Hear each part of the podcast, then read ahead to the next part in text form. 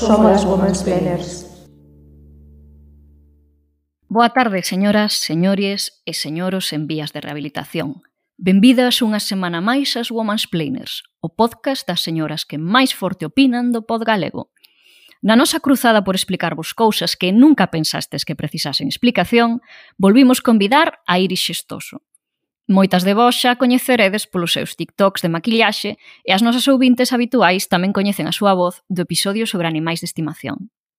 Para min é basicamente a muller co superpoder de facer o eyeliner cos ollos pechados, nas dúas pálpebras a un tempo. E se non vistes ese vídeo, buscadeo por favor. Boa tarde, Iris. Boa tarde, gracias por traerme de novo. Ai, grazas a ti por vir, por vires. Eh, Iris é maquilladora, é manicurista, eh, podedes contactar con ela, que moitas veces esquecemos facer así publicidade ás nosas convidadas, a través do seu Instagram, no seu eh, usuario arroba mitesquere by iris mites cere escrito by b, b e despois iris eh, dixino ben iris Sí, ou máis ou menos. Moi ben. Incluso mellor que a min e mira que levo tempo co, co centrador. Poñe, eh, poñémolo no, no Twitter tamén para, para que Parece quixer buscarte. Tamén nos fala desde México a nosa Saboridiña, que contra todo pronóstico aínda non é unha estrela da Televisa, porque eh, ten que competir contra o seu compañeiro. Exactamente, eu estou aquí case como muller de futbolista, eh? porque non sabedes... non sabedes como... Sí, sí, non sabedes como son os recibimentos aquí. Eh, e eh, nada, eh, congratúlame cada día que falamos casi prácticamente falarmos desde un estado diferente. Creo que teño xa máis estados feitos que estados algunha vez fixese no propio WhatsApp. Wow. Eh, Sara, eh, a ti tamén te saúdo que estás entre, entre resumo, resumo, escribindo resumos de libros que non, que non liches, que hai moita xente que fai isto, pero xa facelo para a universidade ten máis mérito. Bueno, e ademais facelo con tanta arte como a min, non é por botarme flores, pero eh, por sorte ou por desgracia, dáseme bastante ben isto. que pasa? Que me vin forzada a escoller entre ter vida social ou só traballar e dedicar máis cousas da clase. Evidentemente, escollín o primeiro, como queda claro con esta situación. É o que hai. Eh, si, sí, a última festa que foches non che deixou resaca, pero pero eh, casi che deixa unha unha COVID, non? Bueno, eh, algo, algún virus hai rulando por entre os que fomos á festa. Eu de momento safo, pero teño al dampochiño, así que teño que coidar. Pois que siga así, que siga así. Eh, e Janito, eh, tamén hai rumores por aí, din os rumorosos na Costa Verdescente, que as multicontas do Janiverso no Twitter agora que se multiplican no Mastodon tamén. Cantas contas de Mastodon tes, confesa? Boa tarde, hola a todas. Eh, bueno, realmente, miñas teño tres. So tres. Un ano na USO, bueno, un ano na USO, que é unha conta que abría de 4 anos no mastodon.social, abrí unha no mastodon.gal, e como vin que quedara libre o juan arroba mastodon.gal, dixe, a ver, voume dar este pequeno capricho. E, bueno, aparte diso, teño un par de contas máis nas que entro e saio, contas comunitarias. E ti crees que o usuario de María estará libre tamén? Eh, sei que o ten alguén que o está usando alguén xa que está alguén, alguén. Alguén que non está moi lonxe daqui, ademais. non, non, alguén que está moi lonxe dai, de feito. Bueno, efectivamente, está que lonxe, non ten... lonxe de min, pero, pero, pero non moi lonxe Pero perto un espírito, perto un espírito. Pois si, sí, unha persoa que aínda non ten calefacción, esa persoa son eu, eh, e aquí estamos pasando frío, eh, gravando ás oito da noite, pero por unha boa causa, que é falarmos con Iris Xestoso, que ten opinións moi fortes desde as redes sociais sobre un tema do que aínda nunca falaramos e que, e que hoxe queremos darlle caña, que é o tema este das influencers. Digo, as influencers, imos darlle caña a algún señor tamén, señor, señoro, que hai máis diso, Eh, Iris, queres ti empezar contándonos que crees ti que é unha influencer? Que é para ti unha influencer ou un influencer? Eh, pois pues para mí un influencer, sobre todo no panorama español, é como eh, unha versión novidosa de xente que traballa en Sálvame literal. Eu a todo este panorama español de influencers como eh, Lola Lolita, eh, Capa, creo que se chama, Marina Rivers, a min non sei, danme esa sensación de que son as típicas persoas que vía salir de mujeres hombres e viceversa cando éramos máis máis novas, eso, eso existía. Pero sí, a verdade é que non sei, mm, dame esa sensación de, de, de, pre, de precariedade, de, de non é por ser mala de que a veces necesitan un golpeciño cun pao.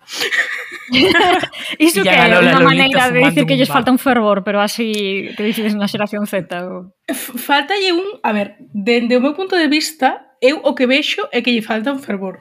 Igual estou confundida, pero é a impresión que teño. E as demais, eh, que opinades ou que, que pensades que un para vos un influencer ou unha influencer? non sei, eu creo que vou dar un pouco de un popular opinion, pero ao final non deixa de ser alguén, que, como di miña nai, dixo toda a vida, alguén que vive do conto.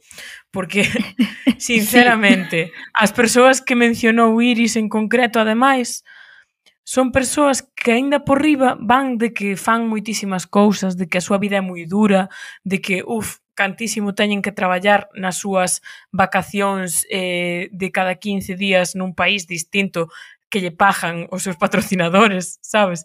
E son persoas que viven un pouco afastadas da, da quizáis da realidade material de outra moita xente que sí que ten que traballar eh, moitísimo, moitas horas en condicións precarias pois para facer, bueno, é que non chegan ao nivel adquisitivo desta xente nin traballando 20 anos, sabes? Entón, eu creo que Esta figura de influencer parece algo como moi novo, pero que sempre existiu de algún modo, non? Pois como dicía Iris, antes eh, xente do Sálvame ou xente que ia a reality shows como, non sei, Jersey Shore, incluso antes diso, persoas que saían na prensa rosa, nas revistas do corazón e así, eu que sei, Belén Esteban, é unha muller que leva vivindo do conto moitísimo tempo, quero dicir, é un estilo, non? Non sei que opinas ti, Saboridiño. Pois o mesmo que vos, só que me fai así un pouco de, de graza, como un pouco a deriva desa representatividade das, das persoas influenciadoras, porque se tomamos como referencia, por exemplo, a revista Ola, pois aí nun primeiro momento o que aparecía era xente da realeza, non? E na revista Ola nunca ia aparecer alguén que saíse en Gran Hermano, e como a xente que é da realeza pois vai morrendo e non está habendo máis casas dinásticas novas, eh, tamén é curioso eh, os novos famosos que esa revista crea, non? Porque eh, non vai sair ningún extronista ali, non vai sair ninguén do Sálvame, pero sí que saen influenciadoras como, por exemplo, María Pombo, que é como eh, esa raza de nueva pija que Ola necesita para encher máis eh, páxinas, supoño. Malvada profe. Claro, porque María Pombo supoño que é o que o que se considera así unha influencer aspiracional, non? Non é alguén que conecte exactamente coa xente, pero que vende un pouco ese estilo de vida de super ultra conservador e de, de, alto, de alto standing, pero alto standing non vanguardista, senón así como un pouco rancio conservador, non como alto standing del corte inglés. De, de ter eh, eh, desas baixelas, non sei, xente me fai pensar nesas baixelas do corte inglés, eh, en esa, nesa roupa así de señora, non? Eh, bueno, unha cousa que, que quero dar así como dato, non? A propósito do, do marketing de influencer, porque este, esta palabra se neste contexto non se, se acuña no eido das relacións públicas e do marketing, xa nos anos 2000, é dicir, hai bastante tempo, xa máis de 15 anos que se fala disto, é un negocio que, que está a mover a, agora mesmo, como industria, 15.000 millóns de dólares ao ano. Mm? É, pois, unha a nivel, a ver, a nivel mundial, é unha barbaridade. Eh, sobre todo se pensamos que só en 2019 esa cifra eran apenas 8.000 millóns de dólares. No? O que les din 8 billion, o sea, billion pero non billón, son miles de millóns aínda. E mm, é unha, o sea, é bastante Eh, bastante diñeiro en realidade. Entón o que estamos a dicir de que a nos nos parecen uns eh, non uns vendedores de fume, uns eh, uns monifates, eh, unha xente así un pouco cutre, en realidade hai xente aí que o está a facer aparentemente bastante ben ou que desde logo está está a gañar cartos, quero dicir que hai que hai cartos, non, no no mundo dos dos influencers. E, e entón quedo eu vou dar aquí unha definición que non é non era para nada, é máis a a definición que eu tiña en mente, pero estiven pois documentándome, buscando, que dá eh, pois unha, unha profesora asociada eh, dunha universidade estadounidense que se chama Anjali Bal, e que define o marketing dos influencers como un tipo de marketing dos eh, claro, das, das redes sociais, por iso xorde un pouco pois con Facebook, non? E, e co, co mundo do, do Tumblr, etc. que usa o seguimento e o apoio que, que crean os seguidores eh, as organizacións e certos grupos cando unha, cando unha persoa ou unha entidade é percibida como que ten influencia, como que é experta nunha área concreta, non? E as súas opinións son, son valoradas. Entón, aí a palabra chave é que son persoas que a priori inspiran confianza. O sea, ven confianza como seres humanos ou confianza eh, polos seus coñecementos, non? Eh, Janito, experto en cousas do mal e do gran capital. A ver, realmente neste tema non non son para nada experto, porque non estou eh, aínda que sí que estou bastante nas redes sociais, non estou metido no mundo dos, do, das eh, influencers. Eh, para mí isto non é unha, unha actualización de cousas que existiron toda a vida. De feito, nese, nesas cantidades que, que falas de miles de millóns de dólares, entendo que están incluídas xente que antes non denominaríamos inicialmente influencers. Rihanna, por exemplo, é unha influencer, é unha artista mundialmente coñecida, ten a súa propia marca de roupa e cobra se fai publicidade de outras marcas. E como a ela, outras moitas celebrities A tamén cobran por facer publicidade nas súas redes sociais de produtos eh, eh, auriculares. Eh, bueno, isto empezou tamén nos, se lembrades hai 10-15 anos, empezaban nos, nos videoclips a aparecer marcas expostas, pois unha marca de champán que se vía claramente a, a marca que era, ou uns auriculares determinados que se vía moi claramente a marca dos auriculares, é dicir, todo tipo de produtos non só aspiracionais, que tamén preferentemente, non? que eh, aparecían para asociarse con esta persoa que aporta a súa influencia como artista inicialmente. E isto despois exténdese a influencers inicialmente de baratillo, vale? Xente que ten 10.000, 15.000, 20.000, bueno, ou inicialmente non, chega ata xente que ten moi poucos moi poucos seguidores e que fai eh, se converte en influencers de barrio, na cidade na que vivo eu, na Coruña, hai algunha instagramer que presenta eventos e cousas así e que é unha medio influencer.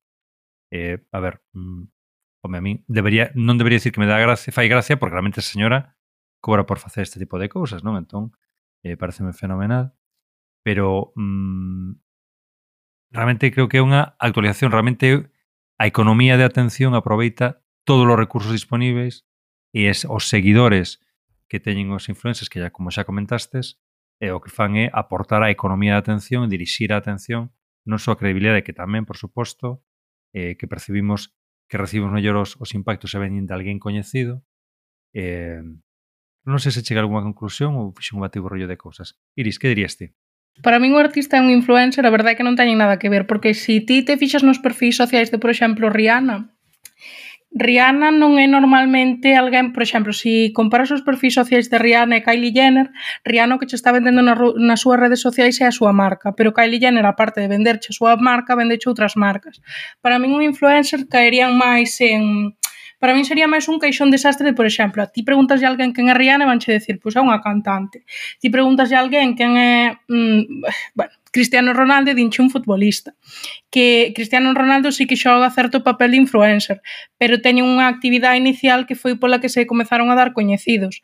Para mí un influencer é alguén que se dá coñecido basicamente por ter unha influencia eh, en redes sociais. Non alguén que pois comezou unha carreira como artista e agora se está dedicando a publicidade en redes sociais. Eu concordo contigo na orixe dos personaxes, pero no fondo estes celebrities, o que eu chamo celebrities A, xente que ten unha actividade pola que se dá a coñecer, Cristiano Ronaldo é un exemplo moi bo tamén, son xente que viven tamén como influencers. De feito, hai moitos anos que moitos eh, deportistas de primeiro nivel eh, perciben tantos ou máis ingresos para a súa actividade publicitaria que pola súa actividade profesional como deportistas.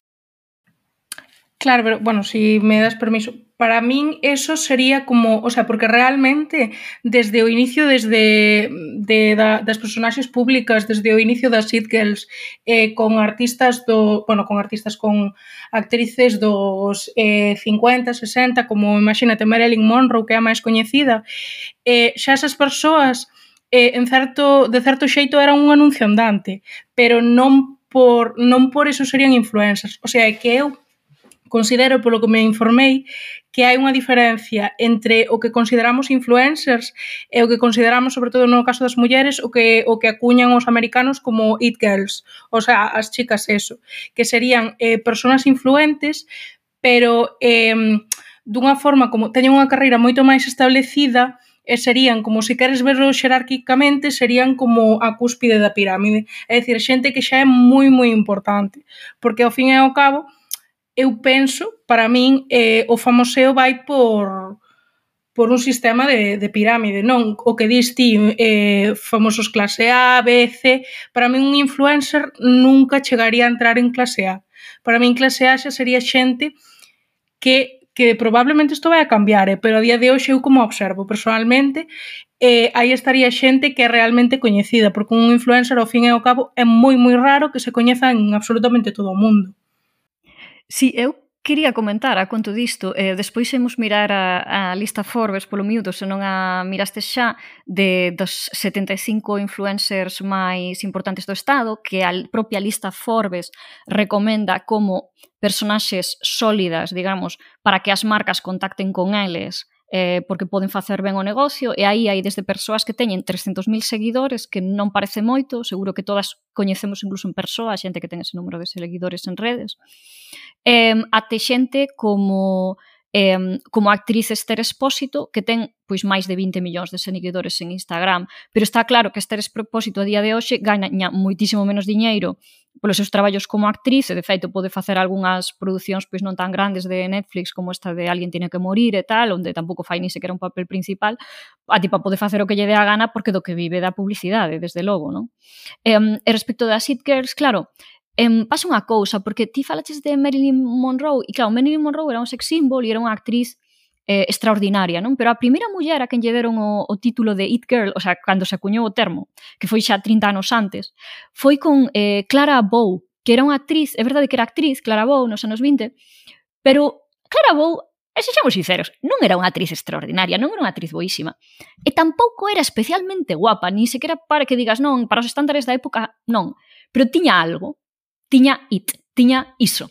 Ese algo que a facía especial e que facía que a xente eh, se quixese parecer a ela ou que lle fixese máis caso e entón ela sí que gañou moito, moitos cartos como publicidade, con publicidade non sei se máis que coas películas, imagino que non pero facía ademais eh, iris publicidade de cosmética, de Winx Cosmetics por exemplo, era unha das, pois, das dos anuncios así máis que foi cara como cara oficial, como sería pois hoxe en día de L'Oreal, pois daquela era de de, de Wings Cosmetics, non? Sara, Eu respecto ao que estás comentando da diferenza entre pois it girls, celebrities e influencers, eu creo que nos influencers modernos a día de hoxe, e con isto refirme a influencer prototípico de TikTok ou incluso de Instagram, eu creo que hai unha diferencia moi clara entre Rihanna, por exemplo, que é unha artista que vende o seu traballo, non? Pois é cantante ou outra persoa famosa que pode ser actriz, por exemplo, ou mm, bailarina, o que sexa.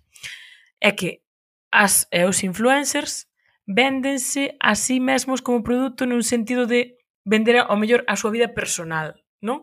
Ou máis eh, todo o tema de salseos e eh, cousas así eu aí é onde percibo unha das maiores diferencias. Non sei que opinas, Iris, que tes a mal levantada.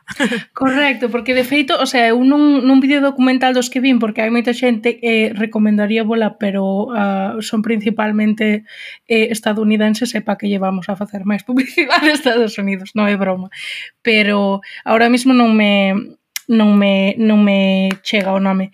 Pero falaba, era unha rapaza en concreto, falaba de que eh, as chicas IT, como estábamos falando antes co, coa malvada profe, eh, teñen ese certo grau de misterio, non? Por exemplo, eh, ela poñía como exemplo, non sei se coñecedes a, a, a actriz a Alexa de Mí, que interpreta a Maddie na serie Euforia, pois... Sí, eh ela xa consideraría como unha it girl, porque é unha muller que ten unha tremenda influencia tanto a nivel estético como da súa esencia, o que coñecemos da súa personalidade, pero ten eh, unha gran cantidade de misterios sobre a súa persoa, porque non coñecemos nin a súa idade, eh, tampouco sabemos realmente moi ben quen é, de onde sae, é alguén que leva no panorama moitos anos, pero agora, sabes, é como que a xente se empezou a obsesionar con ela porque tuvo como este boom, Eh, este tipo de, sabes, persoa misteriosa que caracteriza moito as, as chicas IT.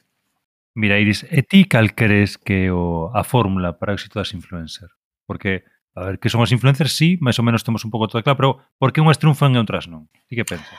Mm, a ver, mm, sobre todo no caso de TikTok, eh, seguramente en moitos casos é eh, polo algoritmo, por, por algún tipo de suerte.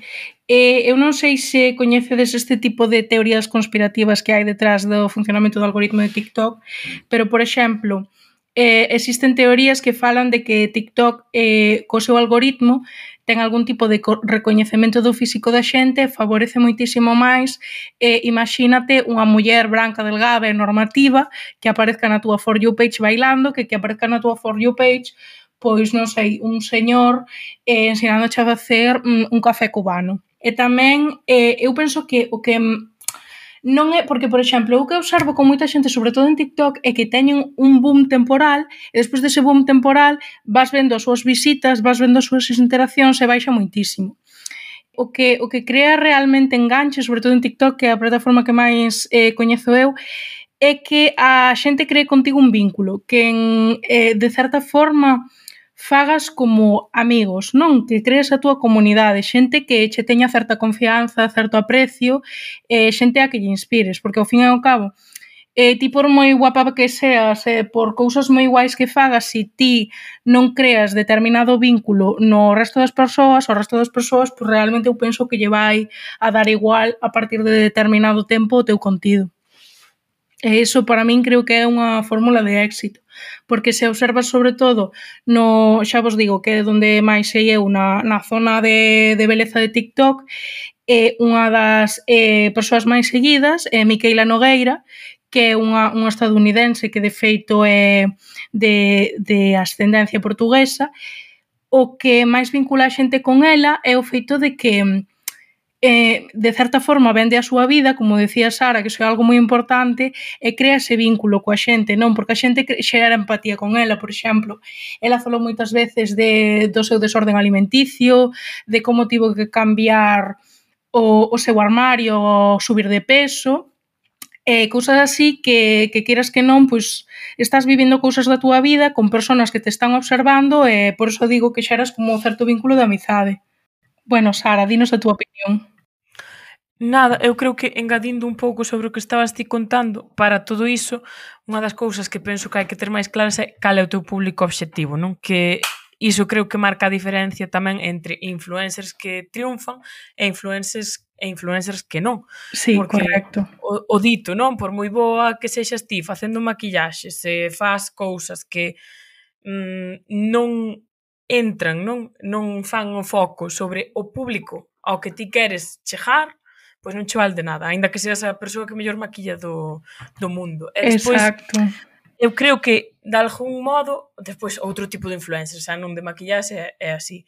Mais influencers de salseo e tal, pois eu que sei. Eh, tens que ser unha circa, eh, non ter sentido do ridículo, é eh, que te importe todo unha merda, sinceramente, porque pa min non valería, por exemplo. É iso que vergonza teño pouca, eh, pero a toda hai que enjane, que xa o di miña nai sempre, muller sabia. Malvada profe, contanos. Entón, eh, vos o que vedes é que eh, a diferenza ou a liña entre vender, por así dicir, o teu estilo de vida e vender directamente a túa vida é moi fino, non?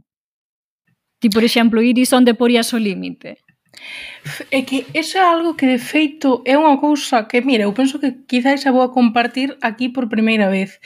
Unha das cousas que máis me, me apartou de crear contido en redes sociales é que eu comecei a ver que realmente segundo eu observaba, a fórmula para o éxito era, en certo grado, romper esta liña de privacidade, en certos casos. Eu, a mí non me importa falar da miña vida, de dos problemas que tiñen, pois, que tiven de, de saúde mental, de trastornos alimenticios, pero hai en certas épocas da vida, en certos momentos e ata certos niveis de cousas pois das que non me apetece falar porque queiras que non ou non estás preparado ou non che apetece ou a verdade é que non todo o mundo ten que saber todo sobre ti, sabes? É unha das cousas que máis me alonxou a min de crear contido, porque eu disfruto da creación de contido eh, máis didáctico a nivel de maquillaxe ou de, por exemplo, facer reseñas e así, pero tamén me custa un pouco eh, é como que me estou enfrontando con ese feito de decir, vale, pero que eu, se eu quero que me vaya ben, igual teño que ser un pouquiño máis eh, transparente do que me apetecería. Dinos, saboridiña, que queres engadir? Nada, o fío disto, como estabades falando desa liña tan fraca entre o que é a vida persoal e o que o produto que ti queres vender, pois é só insistir na idea, non? Hai eh, influencers como, por exemplo, Verdelis, que non sei se coñecedes a Verdelis, pero é unha influencer de maternidade sí. que creo, neste momento creo que ten como oito fillos. Gracias. Ou algo así. Eh, e, e, e a min custame moito, non? Como espectadora, eh, ao final fixeron como do seu mm, do seu perfil o propio gran hermano da, da súa vida, non? Porque chegou ata o extremo de vender, digo vender entre aspas, non? Pois eh, publicar eh, o seu propio aborto con un timelapse onde colocaba tamén eh, a proba de gravidez, onde se vía claramente a marca eh, do Predictor, que non era Predictor, que era eh, Clear Blue. Entón, eh, digo, mm, claro, chegan esas dos persoas pois a un extremo en que moitas delas xa cansadas de vender o seu propio eu, non? Porque estás vendendo un pouco a túa alma o diabo, eh, necesitan afastarse das redes por un tempo. O caso, por exemplo, de Dulceida, Dulceida dixo mm, por un tempo necesito tomar conta da miña saúde mental, porque neste momento estamos falando do que elas dan ás redes, pero non estamos tampouco dicindo o que elas receben, que imagino que será moitísimo hate, é o, o que vin en moitas das publicacións de Verdelís, é pois eh, meterse coa, coa súa vida reproductiva, coa súa maternidade, coa súa crianza, que se pode parecer máis respetable ou non, pero eran comentarios eh, nun ton que era completamente ferinte e se tes iso eh, nun, nunha escala de, non sei, 2000 comentarios, eh, é a dureza que sí que lle vexo a parte de ser influencer, por exemplo. Malvada profe. Sí, ademais diso da crueldade que podes recibir ti mesma e que no caso de desta de muller polo que estás contando a, o límite xa non é a súa propia vida, senón que está a vender a vida tamén de menores. E iso é para min unha absoluta liña vermella, é dicir, os menores, xa os menores que son influencers, pero tamén claro. os adultos o que, que se fan influencers feito, a través dos seus fillos. Exacto, pero de feito non sei se, se lembrades que, que o caso de Belén Esteban coa súa filla Andrea marcou ata un debate político e un marco legal de, de canto podían ser expostos os fillos dos famosos nas redes, porque a súa propia filla lle dixo deixa de falar de min. Eh, e non sabía isto. Non, nada, que eu, o sea, iba como a, a apoiar eh, o, o sea, a vosa, a vosa idea, a vosa opinión de que realmente compartir a, a vida de menores e sobre todo compartila como segunda ou terceira persoa a mí pareceme algo que é de unha moralidade extremadamente cuestionable. Porque xa vos digo, eu vou vos a falar máis dos casos estadounidenses porque eu é o tipo de contido que, que máis consumo. Eh, pero Eh, hai moitas moitas familias eh, estadounidenses que se fixeron basicamente famosas por facer blogs dos seus fillos, non? Eu teño visto moitos documentales que, que abren este debate de pero ata onde está ben que compartas a vida do, do, dos teus fillos? Porque ti cando traballas a costa dos teus fillos, porque ao fin e ao cabo é así, eh, ata, ata onde é real a túa re, relación con eles. É dicir, é como que todo se, se volve excesivamente difuso. E aparte, e en moitos casos tamén nestos vídeos se amosaba moitísimo abuso infantil, de feito incluso había unha familia que, bueno, eu para os nomes non son moi boa, entonces non me, non me vai acordar o apelido desta familia, eh, unha familia a cal lle quitaran os nenos por, por evidencias de abuso e maltrato eh, nos blogs que subían a Youtube. Levada, profe. Pois, eh, xur, sí, eh, volvendo un pouco a esta idea non de, de que hai, hai influencers que son negativos, case, non? No que, no que producen. Ademais, hai outros influencers que son os que se chaman fake influencers, non? Que so, eh, hai un artigo bastante interesante que recomendo ler a quen lle apeteza, non? Que é como eh, de, de million follower fallacy, que, que ter un millón de followers non significa que teñas influencia sobre ninguén, non? Que a, a propósito un estudo que fixeron nunha universidade chinesa. Eh, están os fake influencers, os influencers falsos, porque os seus seguidores son falsos en parte, É dicir, porque moitos influencers son bots, son perfis falsos de granxas de eh, de granxas de bots, por exemplo, pero tamén eh, os influencers que mm, que por así dicilo, sí que teñen moitos seguidores, pero non teñen ninguna influencia sobre eles. Non sei se si, si coñecedes este tipo de influencers, ou queredes poñer así algún exemplo, Iris. Mira, agora estaba acordando, porque creo que todo o mundo coñece eh, as Kardashian, non? Eh, estaba acordando de ver en moitos casos, hai páxinas que se especializan, non sei se siguen existindo, que se especializan en, en ver si os seguidores de, dos Instagrams das persoas son seguidores reais ou son bots. E dabache porcentaxe de, de persoas famosas, de seguidores reais e seguidores de, de bots. E cando analizaban os perfis das Kardashian, E non che digo xa que a metade dos seguidores eran bots, senón que en moitas veces superaban o 60%. A min o cal me pareceu barbárico. Pero no tema das Kardashian, eu quero engadir aquí unha cousa. Eu penso que isto vai a ser un, un tema moi moi interesante sobre o que podemos tamén divagar quizáis un pouco eh, un, un familiar das Kardashian eh, abriu como unha, unha especie de empresa de, de, de, de estafas. Pero bueno, vamos, vamos a contar un pouco como van estas estafas. Eh, basicamente, eh, persoas moi influentes, como por exemplo Kylie Jenner, Kim Kardashian, suben ao seu Instagram unha foto rodeadas de, de bolsos de Louis Vuitton, de cosas de alta gama, e sortean 100.000 dólares. Ben, eh, o único que tens que facer para participar nesos sorteos é seguir as persoas que está seguindo eh, esta mesma empresa eh, esta mesma, mesma empresa, curiosamente, eh, sigue a outras empresas, sobre todo eh, empresas de, de fast fashion, eh, empresas cuestionables. Por exemplo, eu acórdome que, que unha das, das empresas que tiñas que seguir era Fashion Nova, que non sei se coñecedes Fashion Nova, pero Fashion Nova é como unha especie no. de Shein, pero para xente eh, que ten un un aumento de cu brasileño, non sei como se di, o, o típico BBL.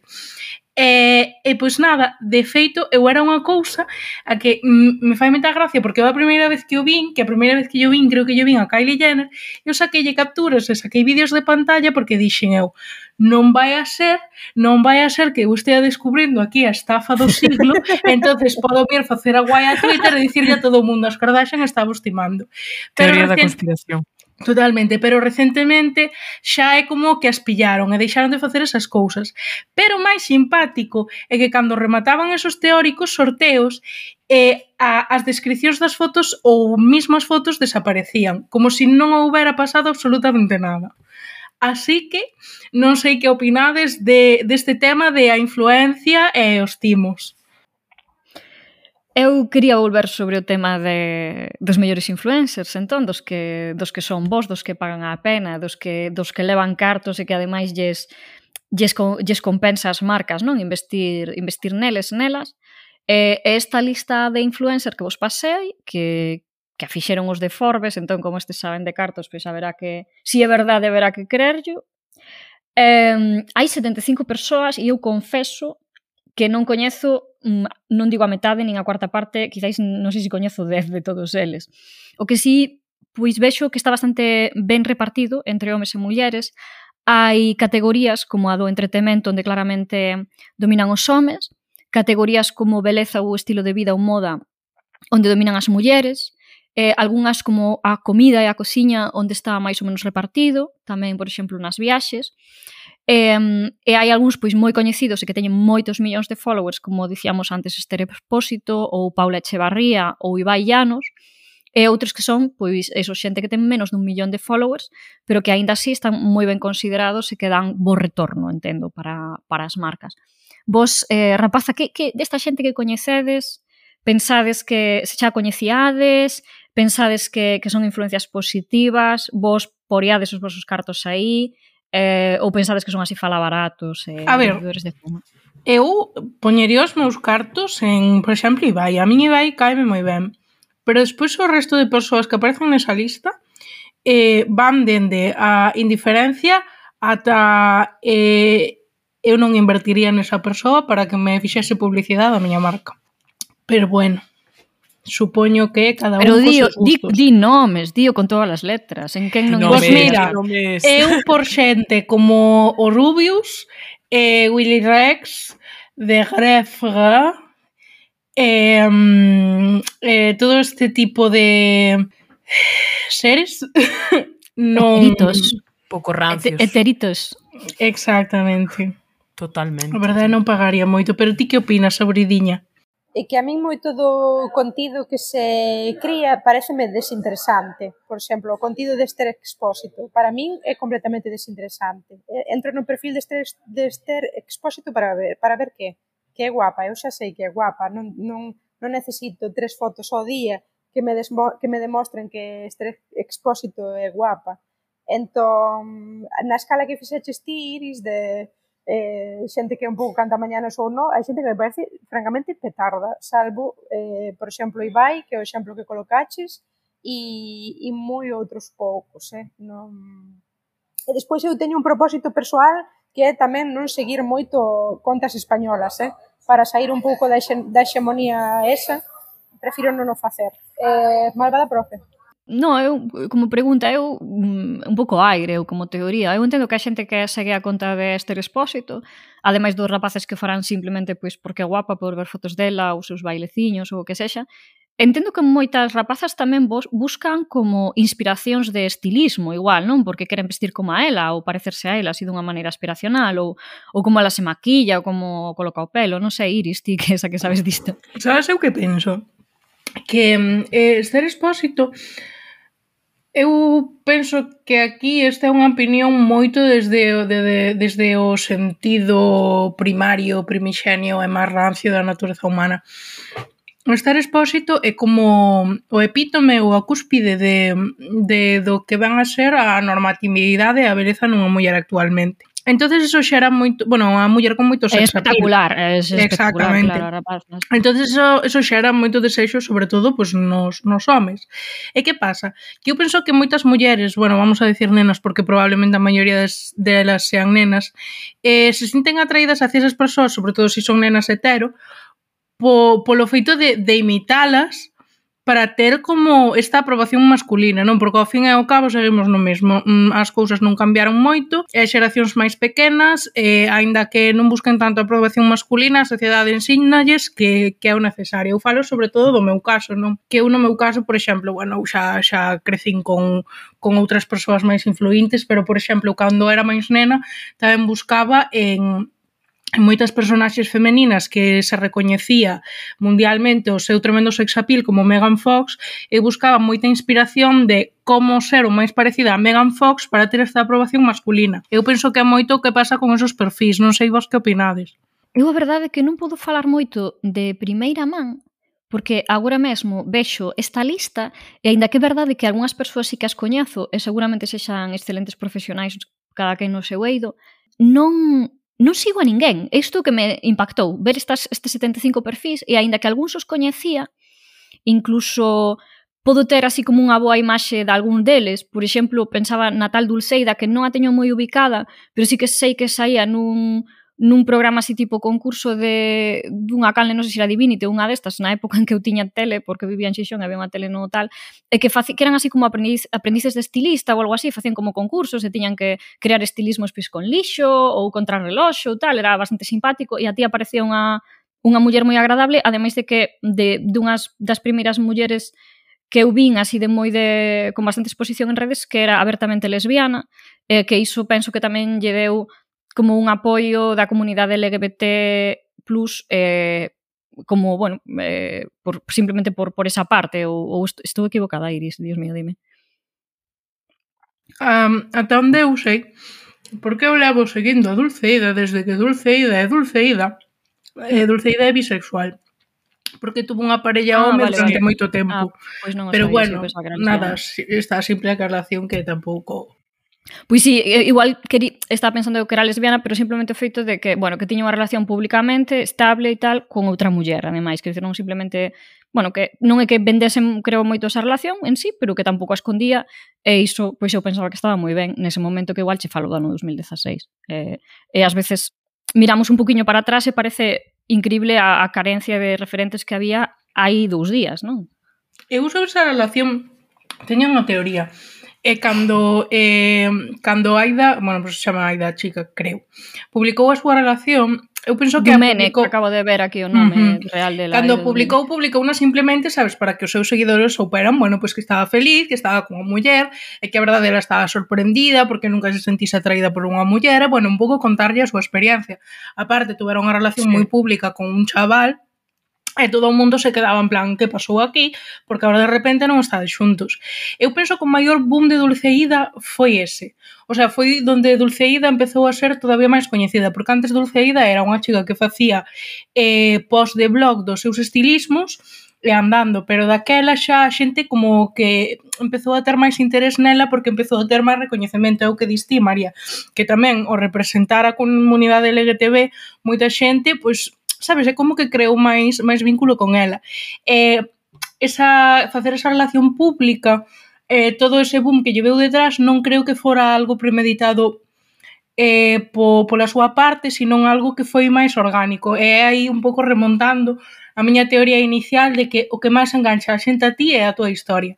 Pero, bueno, mm, eh, malvada profe, Sara, queredes falar ambas, así que que empece a que queira. Non, Sara, Sara, conta ti.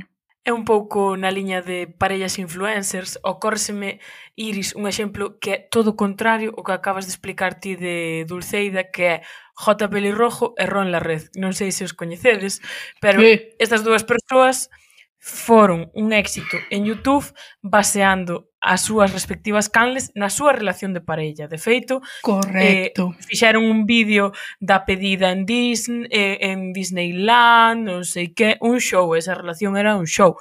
Despois tamén fixeron un vídeo explicando a súa ruptura e claramente dende que romperon, ao mellor xa un pouco de antes, pero máis dende que romperon, perderon moitísimo éxito como influencers os dous por separado. Certo. É unha cousa que chama moitísimo eu acórdome, atención. Eu acórdome que cando durante esa relación eu seguíaos moitísimo, pero ahora tamén, non, eh? non teño ni idea da súa vida, só sei que J. Pelio Rojo é un pouco... Mm, é un señor? Sí, pero bueno, malvada profe, non sei que é o que querías ti engadir. Eh, máis que encadir, era máis ben pasar o, a seguinte pregunta en relación con isto, non? Estábamos a falar de Forbes, ao final estamos a falar da peseta, non? Eh, e dos cartos. E, e últimamente, ademais, esta semana houve un pouco, esta semana pasada, houve un pouco de de polémica nas redes, eh, a raíz de se os influencers traballan ou non traballan abondo para os cartos que gañan. Entón, esta é a miña seguinte pregunta. Se vos pensades que os influencers gañan moito, se gañan pouco e canto traballo hai realmente detrás deses ingresos, porque eu a verdade é que iso sí que non o sei. Non? Eh, Eu sei que no meu traballo, por exemplo, a xente solamente ve un pouco o resultado e que hai moitas horas de preparación que non se observan, pero no, no traballo de outra xente pois non podo calibrar moi ben, non canto traballo aí detrás dun vídeo de YouTube ou un vídeo de TikTok que dura segundos ou minutos e que, e que claro, quizáis teña moito máis traballo do que ás veces nos decatamos, non, Iris? E que sabes que pasa? Eh, tristemente vivimos nun mundo capitalista no que eh, ti ingresas o que xeras. Estas persoas a ter unha influencia tremenda xeran moito, e ao xerar moito gañan moito. A mí non me parece que este xustificado, pero que creo que nada do sistema capitalista é xusto.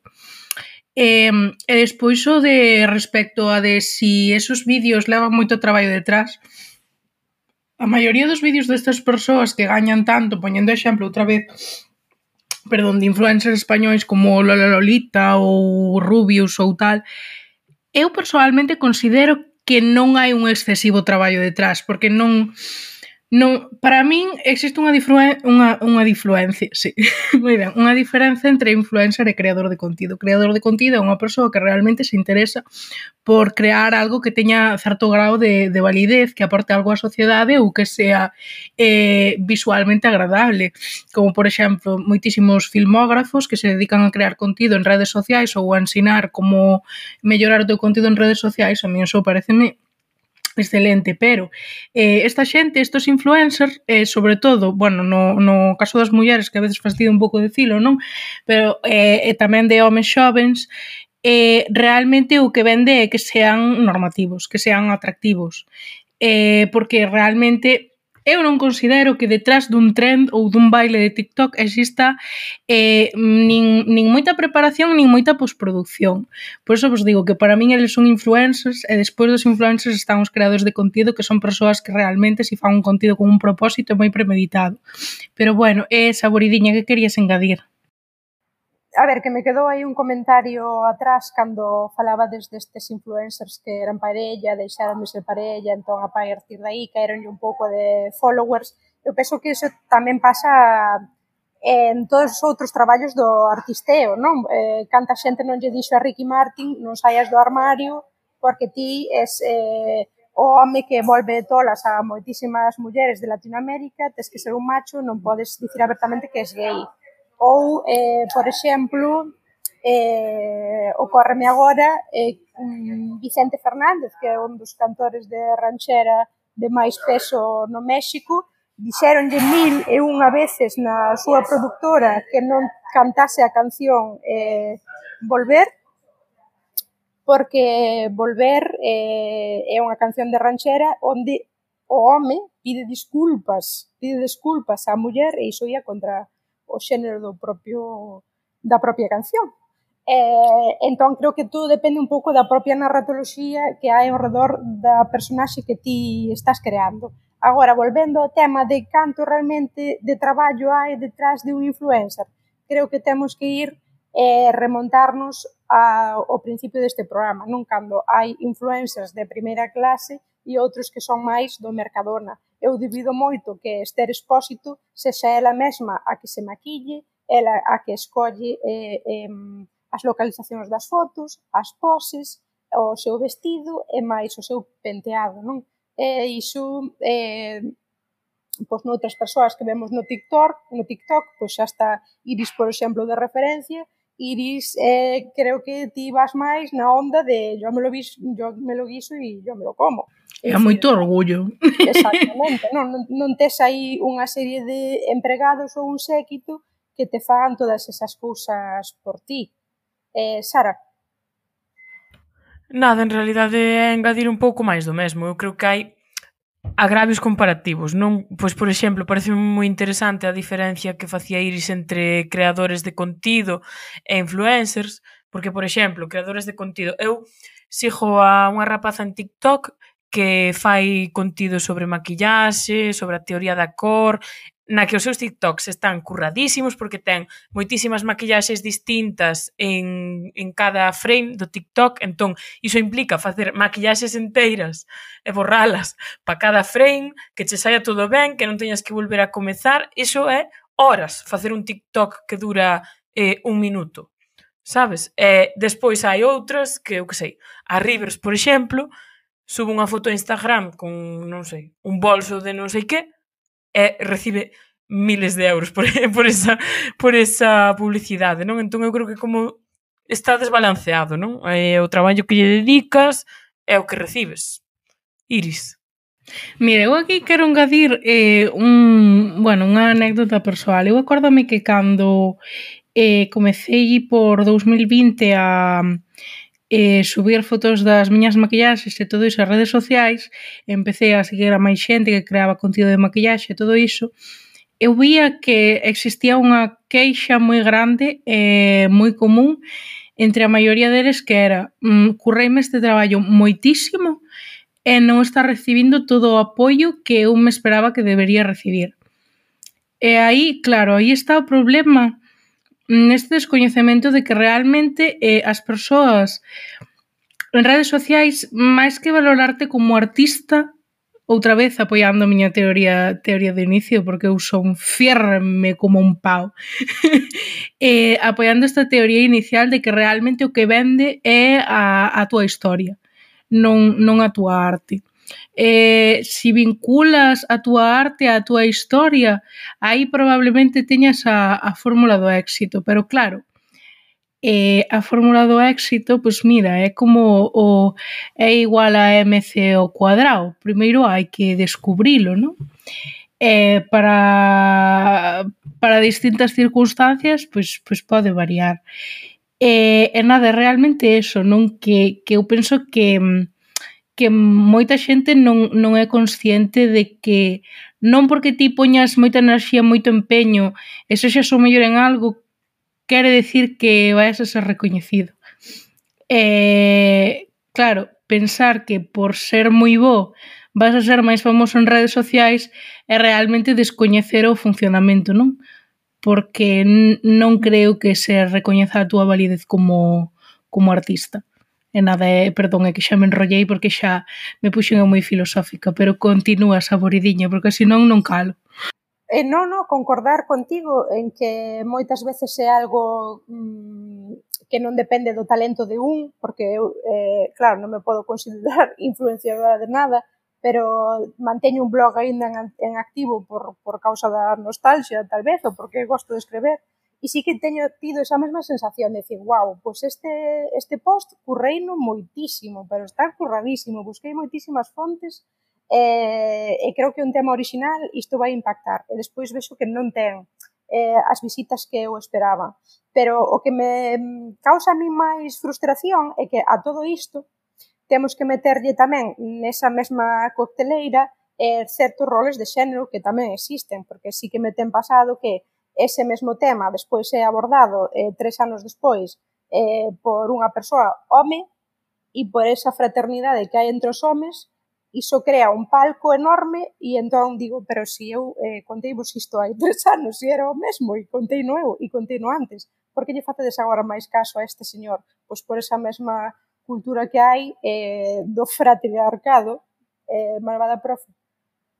Pois ia non dicir exactamente iso mesmo, pero algo moi semellante, non? Que, que eu teño visto ademais no teu caso, e, e penso que xa o temos falado, que ademais a desvergoña que, te, que hai ás veces a hora de mm, copiar contidos, roubar incluso termos, de que ti acuñas unha, un, un termo incluso, non? Porque aquí somos todas moito de inventar palabras, pero penso que a, a Carme case máis que ninguén.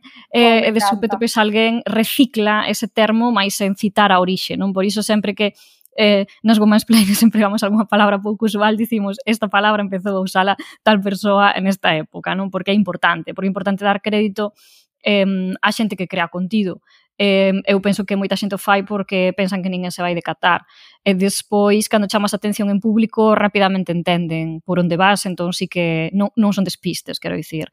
Estas cousas a xente fainas a mantenta e seguro que ten mil anécdotas sobre isto ou peores. Pois mira, o respecto ao que decía Saboridiña antes do feito de que realmente se o di unha muller non ten o mismo peso que se o di un home, se o di, se o fai ou o que sexa, Mm, eu, eu, bueno, vou vos a falar outra vez dende, dende a miña vivencia persoal e dende o mundo de creación de contido no, no, no apartado de beleza. Eu sei que fai mm, non demasiado tempo, mellor un ano ou así, comezara un debate, pero era un debate moi chiquito, porque é un debate que ten tantas ramas que incluyen a tantas minorías e a tantos eh, colectivos discriminados que pode ser un pouco complicado abrilo, é o feito de que mm, crear contido de maquillaxe, creando contido de maquillaxe, sendo maquillador, eh, non se dá o mesmo recoñecemento a unha muller maquilladora ou creadora de contido de maquillaxe que a un home porque un home pode ser moito máis mediocre no seu traballo que unha muller, pero vai a ter moitísimo máis apreciación polo simple feito de ter esta valentía de ser home e maquillarse ou facer maquillaxe. Pero sabes que pasa? Ti se empezas a pensar no comezo dos maquilladores, os maquilladores eran homes. Quen maquillaba as, as actrices do, do antigo Hollywood eran homes. E non todos esos homes eh, eran eh, homosexuais, bisexuais ou, bueno, non se confirmou en ningún momento a súa saída do armario. entonces aí ese é un, un debate moi complicado porque, claro, incluís a homes do colectivo LGTB, entonces pois pues, é un, un pouquiño difícil esta cuestión, Pero sí que é certo que, por exemplo, imagínate ti ponte, eu que sei, a Jeffree Star. Jeffree Star, que tamén é un dos primeiros influencers de MySpace, eh, como maquilladora era realmente moi mediocre, pero tiña eh, moitísimo máis apreciación que, por, por exemplo, Nikki Tutorials que en que tutorials é unha muller que se maquilla estupendamente.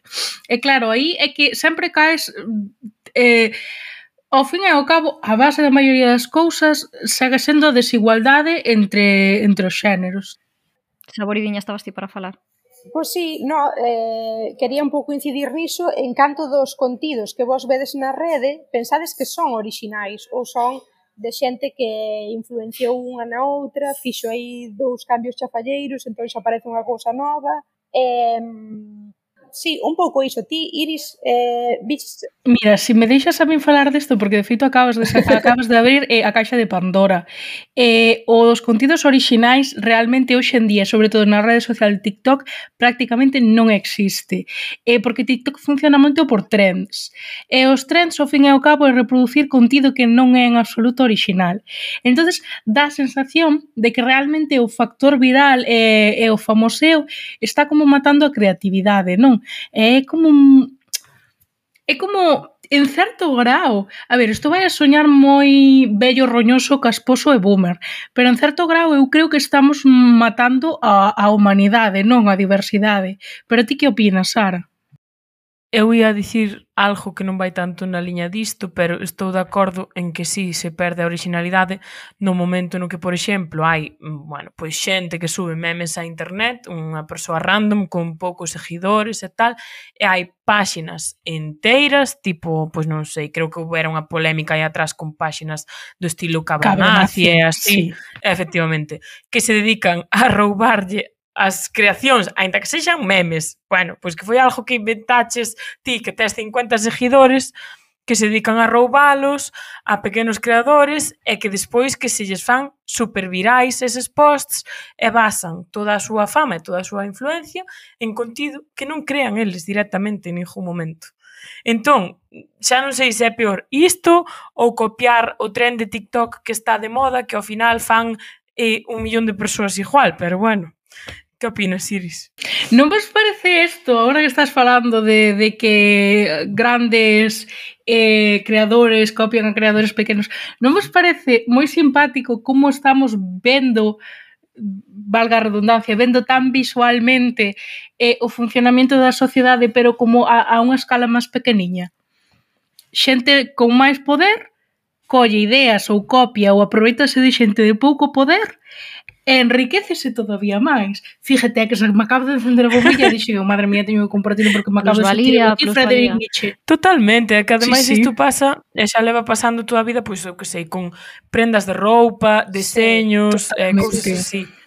Eh, cantas, cantas, cantas pezas de roupa non eran eh, de bordados indígenas e de repente veo a Mancio e dixo, veña, pois agora sí. unha tonelada de roupa eh, de bordado de Oaxaca, sabes? Eh, sí. Realmente as mulleres de Oaxaca foron as persoas que idearon que ese como... tipo de bordado. Sí, eh, eh, veu, veo agora o caso porque xusto eh, fun agora a un mercado e, e deus a casualidade de que alguén preguntou bon, por un vestido huipil que é bordado eh, a man, supostamente, entón dixo yo a un señor que era un vestido huipil nesta cor, neste tamaño, con este bordado, a man e o señor dixo, ok, pois este vestido custa tanto, e a señora quedou horrorizada e dixo o señor, non, mire, pois isto, se si vostede non o quere coller así, que é original, que é bordado a man, ten que ir tres ruas máis abaixo, que hai unha loxa de chineses que o fan igual eh, ninguén lle vai dicir nada. E entón, claro, o señor vendedor eh, sentiu eh, que eu estaba a empatizar con el, porque eh, se ti sabes eh, bordar, se ti sabes coser, sabes todas as horas de traballo que hai ali, non?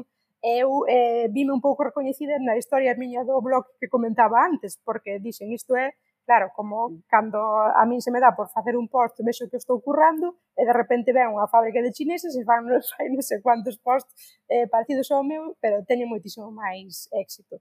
Eu diría que isto tamén eh, é, é tan consustancial aos tempos de hoxe que eh, é moi fácil ver unha noticia, unha noticia, non, que está fundamentada en tweets de outras persoas.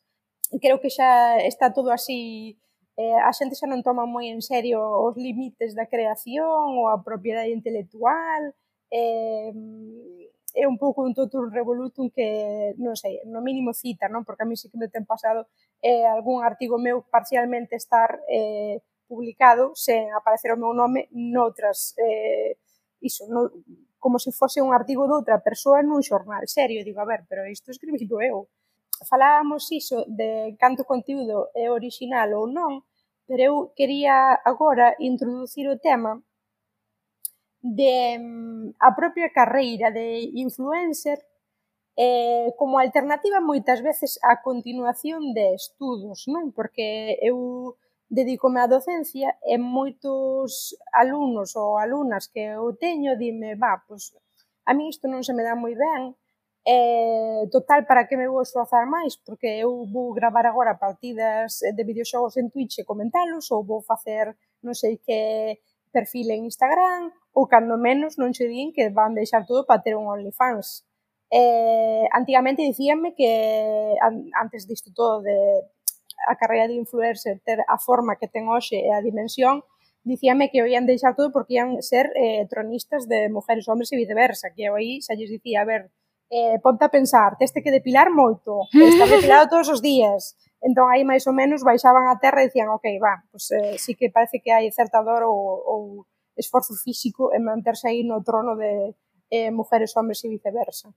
Pero, mm, sí, pareceme que eh, eles pensan que calquera persoa pode chegar a ser influencer e ter éxito e eu poñolle moitas veces o exemplo de volvemos outra vez ao tema das Kardashian. As Kardashian todas son famosas a excepción do irmán Robbie. Robbie eh, iniciou unha carreira infrutuosa como influencer de calcetins porque fixo unha empresa de calcetins que lle foi a pique. E dicir, tiña todo o apoio que podería ter coas irmáns que ten, pero para el non correu ben e para as irmáns sí. Entón, non todo o mundo que se pon a querer ser influencer consegue, non? Eh, que pensas, Iris? Ves que tamén acontece isto? Eh, que a xente toma mm, a idea de influencer como unha alternativa ao esforzo dos estudos? Eu creo que realmente o que nos pasa é que somos adictos á idea da comodidade, porque realmente cando nos decimos que queremos un emprego no que gañemos moitos cartos, realmente nos importa ter moitos cartos ou nos importa a comodidade que é asociada a esos cartos. Eu penso que o, o ser influencer da, da actualidade, da, da xeración máis nova, é o equivalente ao quero ser actriz ou quero ser cantante. Realmente a ti che interesa a música ou realmente a ti che interesa o arte dramático ou interesa che eh, toda a comodidade que ven con, con ese estilo de vida, toda a comodidade que che pode asociar. Porque si te vas eh, baixando en, en xeracións, sempre existe como un, unha especie de glorificación de, de, de determinada profesión, sobre todo no, no, no ámbito quizáis celebrity ou así que máis se coñece como eh, unha profesión moi glorificada como mellor pode ser médico ou, ou abogado. Sempre existe como esta tendencia en todo o mundo a querer ser o que máis cartos che pode dar. Eu penso que eso é, é o común agora. E a medida que van pasando as xeracións, penso que os nenos van collendo igual a, a, a opción que eles ven que vai a ser máis carto menos traballo, non? Porque o ser influencer cando eu era pequena non existía, entonces o que a mí me parecía que podía ser un traballo máis fantástico que o iba a pasar mellor eu era ser actriz ou ser cantante ou modelo ou o que sexa. Pero bueno, non sei cal é o vosso punto de vista, Sara, dinos. Eu creo que o ser influencer é, como ben diste, o novo quero ser cantante, quero ser futbolista, quero ser actriz. Quero dicir, cantantes, futbolistas e eh, actrices hai moitas. Que poidan vivir exclusivamente diso e que sexan famosísimas e que cobren millóns, moi poucas. Exacto, e que de feito é como todo o mundo se considera como dentro de sí mismo moi especial, porque eu penso que, que todos, sabes, queiras que non, independentemente de, do teu grau de amor propio, propio ti sempre te consideras a ti mismo, a maioría das persoas consideranse a sí mismas como especiais, non?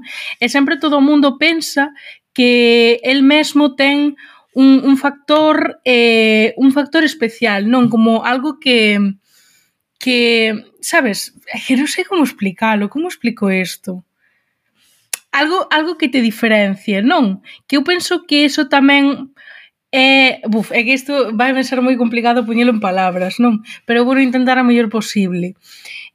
Eu penso que en certo grau te, te como, como traduciríamos a palabra delusional? Eu penso que en certo grau hacia nós mesmos Delirio. somos como... Eh, Iluso. Somos, o, sí, somos como un pouco delirantes. Este delirio, sabes, fai que o mellor nos creamos que non somos e a veces cando nos creemos que non somos, pois realmente estamos como eh, psicolóxicamente preparándonos para algo que podemos adquirir ou estámonos destrozando porque temos un, un delirio super grande creo que me acabo de liar un montón, pero non sei se alguén pillou como a miña idea principal eh, e poden fiala mellor, por favor, a graza. Eu, eu creo que entendo a que te refires, porque sí, eu é algo que eh? penso, non que todos o pensemos de nós mesmos, pero que é algo que eu sí que vexo como que todos os pais, ou sobre todo todas as nais pensan dos seus fillos. Tamén. Sabes como todas as nais pensan que o seu fillo ou a súa filla é super especial, eu penso que todas teñen como un un desexo secreto, non? De que de que, de que teñan así algún talento extraordinario eh, que, que, que solucione moito a súa vida. E a vida dos profesores ás veces é durísima porque tes que informar a certo tipo de alum, de certo tipo de alumnado que non ten esas, ese asesoramento igual máis académico na súa casa. Mm, ás veces simplemente non, non dicirlles verdades moi crúas, pero facer preguntas incómodas, non? Se eu estou nunha clase eh, como as que teño agora, onde o alumnado moi malo e casualmente todos os rapaces dunha clase queren ser futbolistas, non? Como eh, noutra igual, pois todos queren ser eh, eh, youtubers ou, ou twitcheiros e dedicarse personalmente a xogadores mm, profesionais de videoxogos ou así. Eu vexo que hai unha diferenza enorme entre eses rapaces de clases complicadas, con familias complicadas, etc. E o alumnado máis normal, máis de, sí, de cole público, da media aos cole público, que clase traballadora, pero unha clase traballadora, bueno, con, con certos referentes pois, académicos e culturais, que tiña hai un par de anos e que pois que querían, pois un quería ser electricista, outro quería mm, facer INEF, outro quería ser médico, outro quería ser enxeñeiro, profesor ou o que for, non?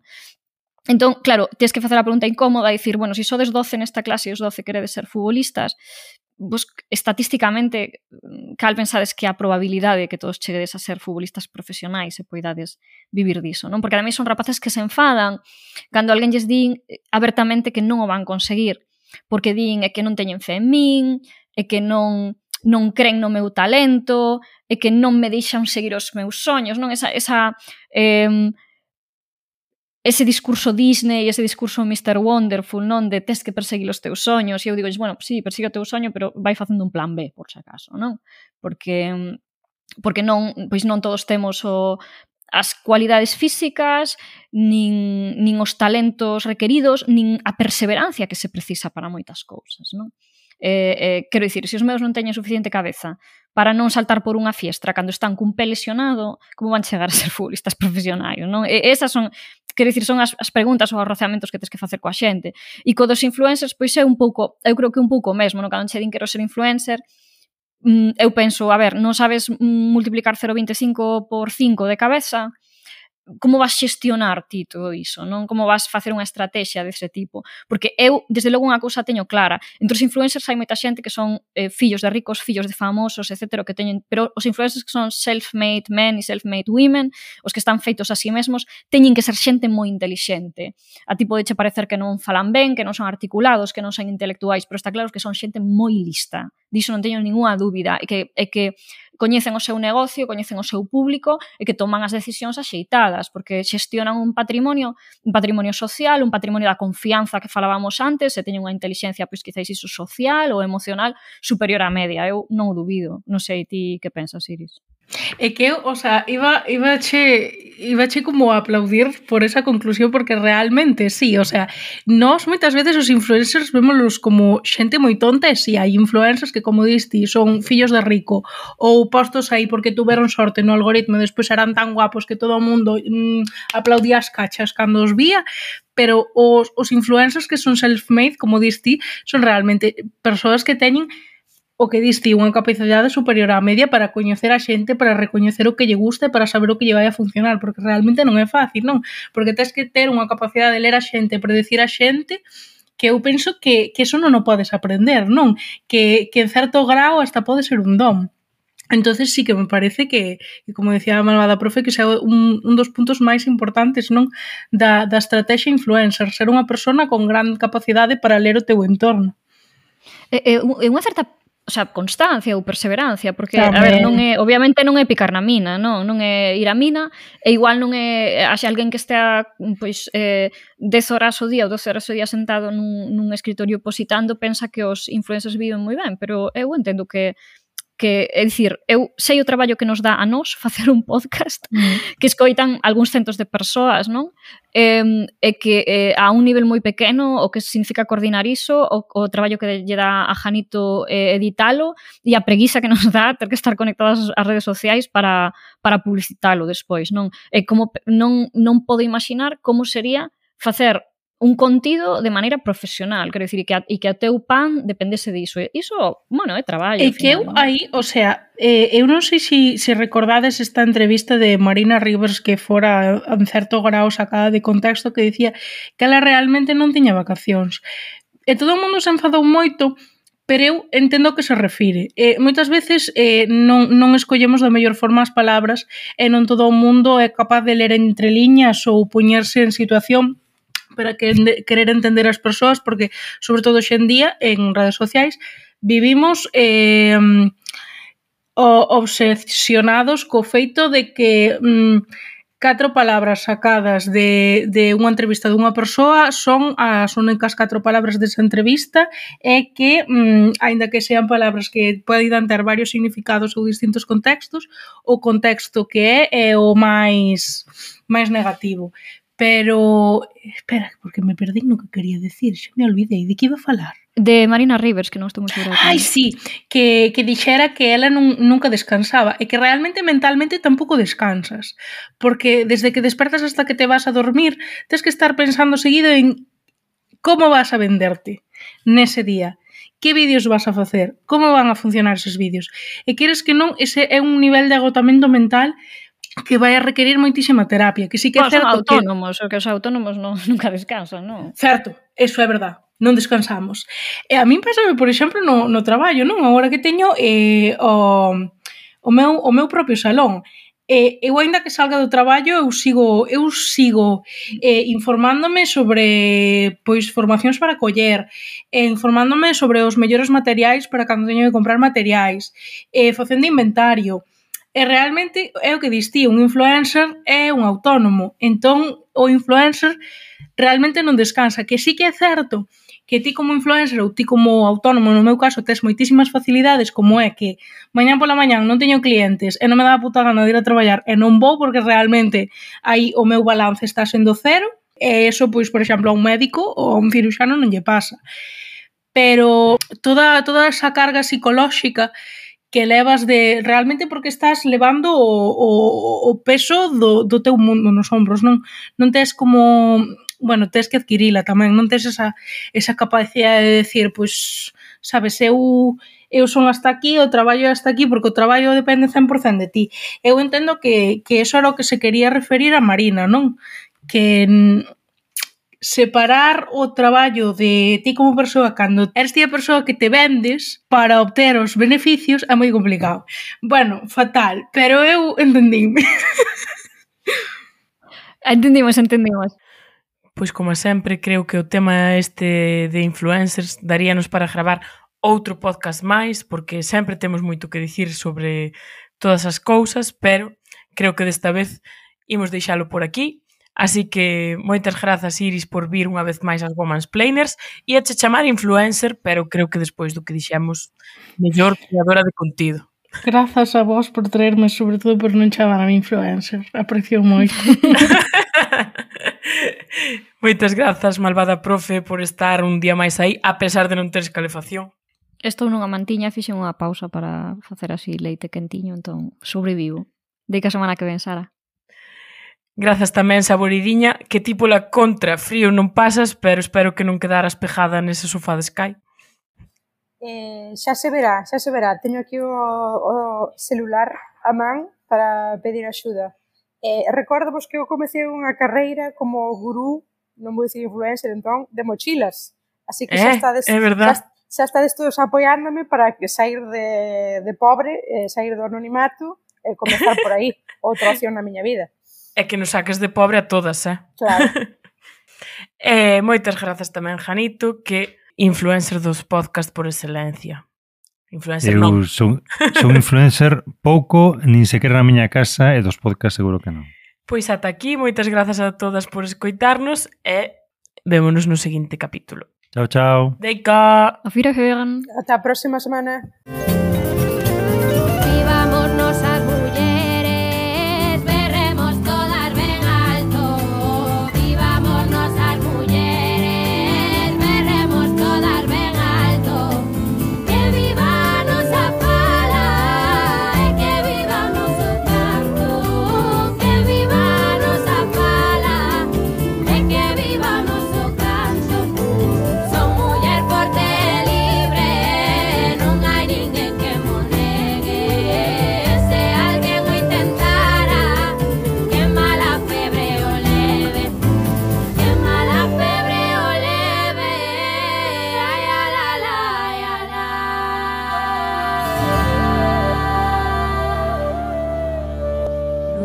over las women's banners.